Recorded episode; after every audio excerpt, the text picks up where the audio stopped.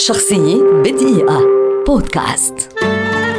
صلاح الشرنوبي ملحن موسيقي مصري كبير ولد عام 1957 بمدينة الإسكندرية. مارس العمل كمهندس ميكانيك حتى عام 1990 قبل أن يتفرغ للتلحين بعد أن استقر في القاهرة. لم يدرس صلاح الشرنوبي الموسيقى في أكاديميات فنية متخصصة ولكنه ثقف نفسه بنفسه موسيقيا وتعلم العزف على آلة الكمان ثم على آلة العود كما تعلم أيضا كتابة النوتة الموسيقية. يعتبر من القلائل الذين نجحوا في تقديم مدرسة جديدة معاصرة في فن تلحين الأغنية العربية. تجمع بين شرقية المقامات المستخدمة وإيقاعات العصر وقد أطلق عليها اسم مدرسة الشرنوبي حتى أن سيد مكاوي أشاد في أكثر من موقف بهذه المدرسة التي اعتبرها تجديدا ناجحا.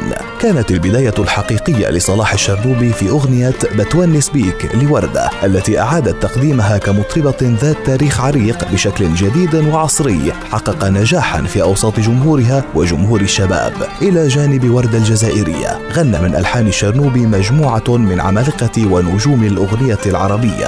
أمثال نجاة الصغيرة وديع الصافي مياد الحناوي سميرة سعيد أصالة جورج وسوف راغب علامة وغيرهم. وقد أغنى الشرنوبي المكتبة الموسيقية العربية الحديثة بأغنيات لا تنسى مثل كلام الناس عالبال الأسامي بحب في غرامك مغرم يا ليل عايز الرد ملهمش في الطيب وغيرها الكثير الكثير من الأعمال التي طبعت اسم الشرنوبي بأحرف من ذهب في تاريخ الأغنية العربية.